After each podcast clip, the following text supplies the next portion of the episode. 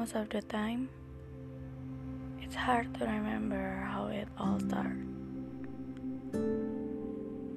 We only remember how it finally ended. I was heard that there's always three versions for every story mine, yours, and the truth. In my version, was give all I have to you. Everything I do, I do it for the sake of us. For me, you're as selfish. One never wants to hear. You always run away from every problem that we had. You're a bad guy who doesn't know yourself. In your story, you're exhausted. Everything I do makes you sick of me.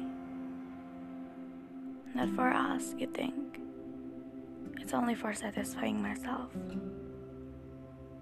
Because for you, I never understand. So you decide to go away anyway. For you, I am a selfish person who forgets herself. Aren't we all the victim for our own story? Blame each other for all mistake that we had.